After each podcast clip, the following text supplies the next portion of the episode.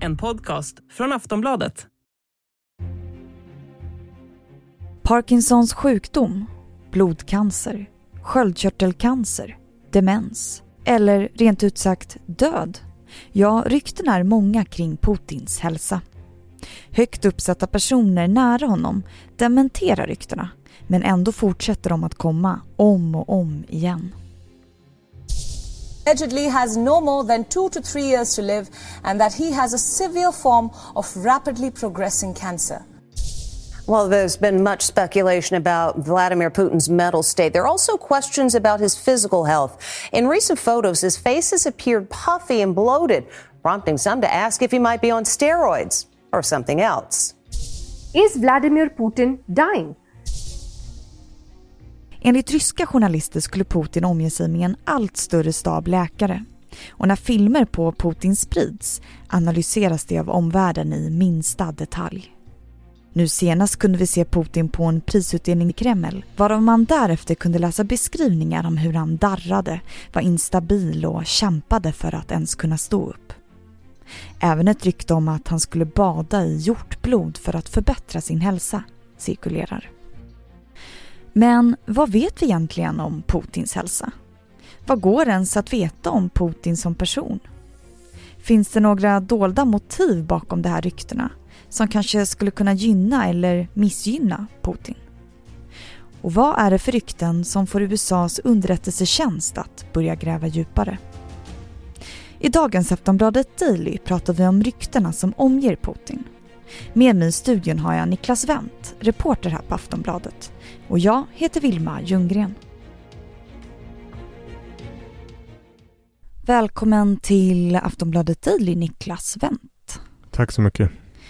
Ett av de mest återkommande ryktena om Putin är att han skulle vara dödligt sjuk. Vad säger du om det? Ja, det första man kan säga är förstås att vi inte vet det. Eh, Putin är 69 år och de flesta 69-åringar har ju någon typ av krämpor som påverkar hur de framstår offentligt om man skärskådar dem på det sätt som Putin hela tiden skärskådas. Då. Det kanske, de kanske har darrande händer eller går och står lite ostadigt och sådär.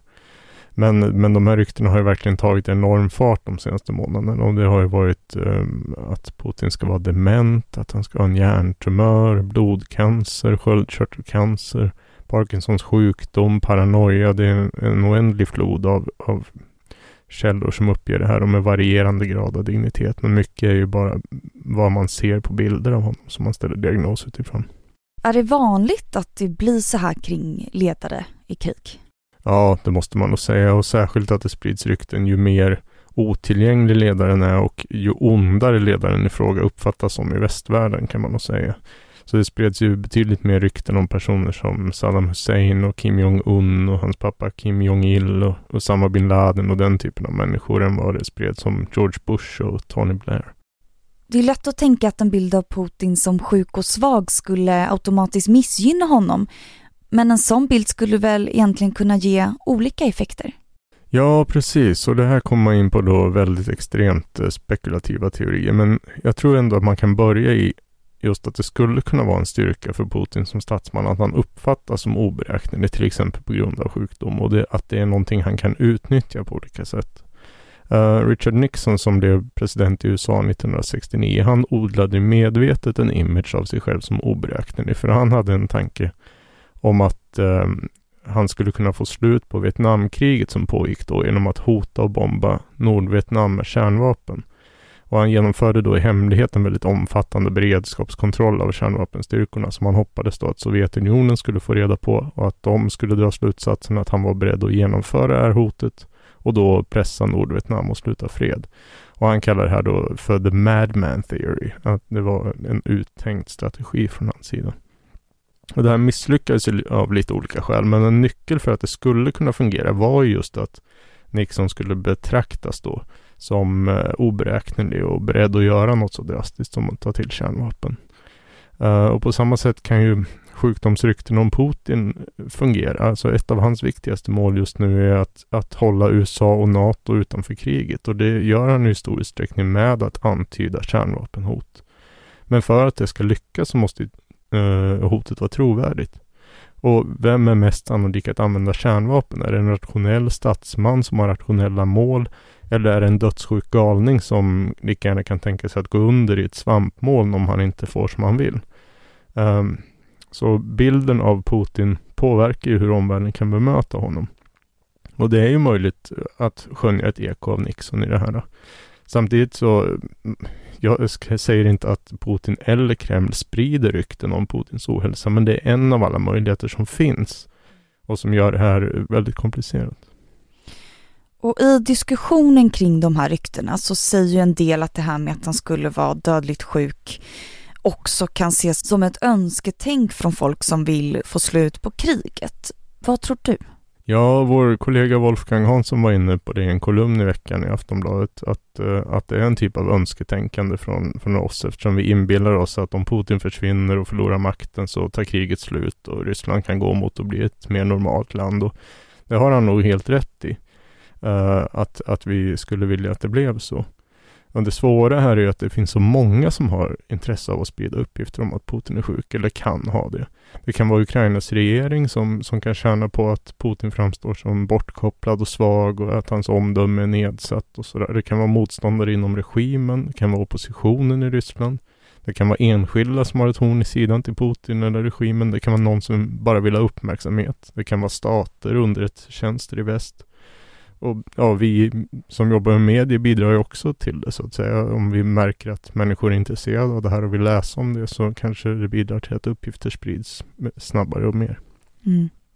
Och det är ju inte bara rykten om hans hälsa. Vi har ju till exempel sett på sistone eh, teorier om att de som syns på bilder med Putin skulle vara statister.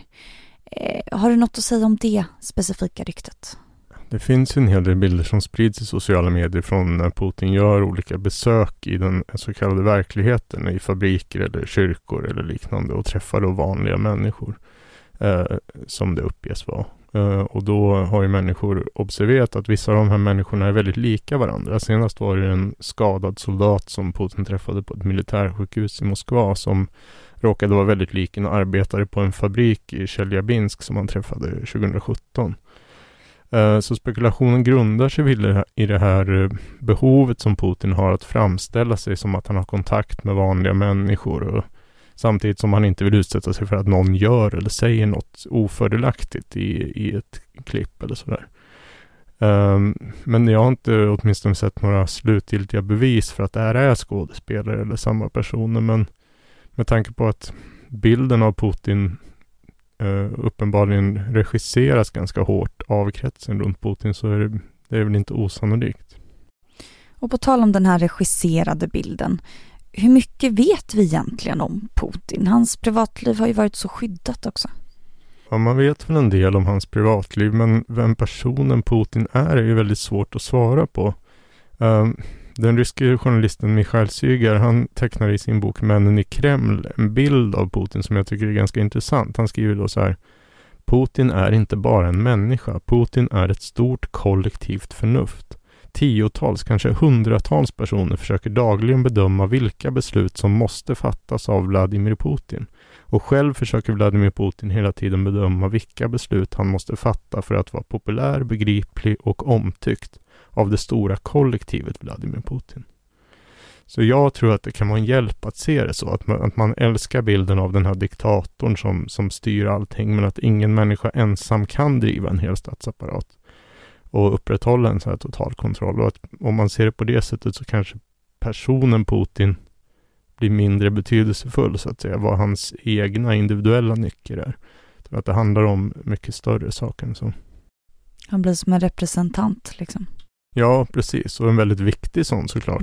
Mm. Uh, individen Vladimir Putin är inte på något sätt oviktig, det ska man inte säga. Men, men det är svårt att tänka sig att regimen skulle se väldigt annorlunda ut om man bara plockade bort honom från en dag till en annan. Att det, den, den sträcker sig bortom honom också.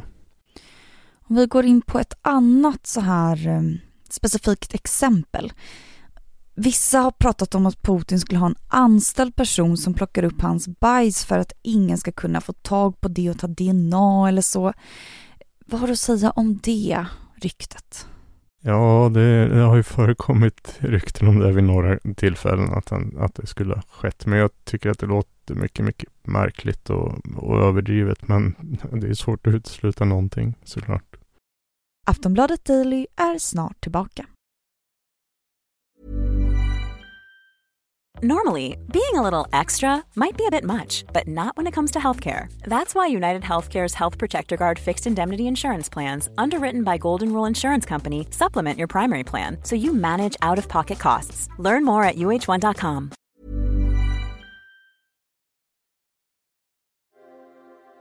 Ryktespridningen kring Putin är inte bara något som det snackas om på stan, utan ryktena diskuteras även på hög militär nivå. Ett exempel är en video som blivit viral där Putin sitter i möte med sin försvarsminister och håller i sig i bordet, vilket vissa menar är ett tecken på Parkinson. Videon har analyserats av USAs militära underrättelsetjänst och man kan undra vad det egentligen betyder att så seriösa verksamheter ändå tar i de här ryktena. Vi hör Niklas Wendt igen. Ja, underrättelsetjänsten måste ju försöka bilda sin uppfattning om de här sakerna. Det ju, ingår ju i jobbet. Uh, av skäl som jag var inne på lite tidigare så är att bedöma hälsotillståndet hos en ledare som Putin kan ju vara ganska viktigt. Att försöka fastställa hur det egentligen ligger till. Uh, och USAs underrättelsetjänst till exempel då har väl lite blandat facit vad det gäller det där. Uh, invasionen av Irak grundade sig på liksom föreställningen om att Saddam Hussein hade massförstörelsevapen. Och det här var ju ett rykte som Saddam Hussein själv bidrog till att sprida ut i det fördolda. För han tänkte att det skulle vara eh, avskräckande från att, att invadera helt enkelt. Finns det uppgifter som gör gällande. Men, men eh, effekten blev det, det motsatta. Att det var just att kretsen runt George W. Bush trodde att Saddam hade massförstörelsevapen som gjorde att man invaderade. Så de här bedömningarna som underrättelsetjänsterna gör, de ligger ju till grund för faktiska beslut också. Och ja, på samma sätt så under, liksom, spelade man ner eh, Usama bin Ladens betydelse under stor del av 90-talet och fick liksom fel bild av honom och vad han var kapabel till. Eh, vilket då på ett sätt möjliggjorde 11 september-attackerna. Så ryktena kan ändå spela väldigt stor roll, om man ser det så? Ja, det kan de göra, absolut. För de, beroende på om de sätter sig eller om de kan avskrivas eller hur man betraktar dem, så kommer det ju leda till att beslutsfattare tar, eh, väljer olika vägar så att säga. Och då är ju verklighetsbeskrivningen eh, viktig. Vad, vad tro, hur tror man att det är och vad, vad innebär det för en, vilka val man gör? Och hur ska man som privatperson förhålla sig till de här ryktena? Jag tycker man ska vara extremt skeptisk till, till det mesta. Man kan tänka, vad, vad säger den här personen? Eh, vad har den faktiskt för kunskaper om saken och vad kan det finnas för andra alternativa förklaringar till att den säger så här? Och just i fallet med Putins sjukdomar så måste man nog acceptera att det inte går att veta och att det är väldigt svårt, även om man vet och veta vad man ska göra med den informationen som privatperson. Sen är det ju förstås väldigt kittlande och intressant, men man kan nästan betrakta det som underhållning, jag skulle jag säga. Vi har ju nämnt några olika rykten här. Um, vilket är det mest osannolika ryktet som du har hört om Putin? Ja, det väl ganska svårslaget där att han redan skulle vara död och ersatts av en dubbelgångare. Det måste jag väl säga. Det är inget du tror på? Nej, det tror jag inte. Tack så mycket Niklas Wendt för att du eh, gästade oss idag. Tack så mycket. Du har lyssnat på Aftonbladet Daily med Niklas Wendt, reporter här på Aftonbladet, och med mig, Vilma Ljunggren. Tack för att du har lyssnat så hörs vi snart igen.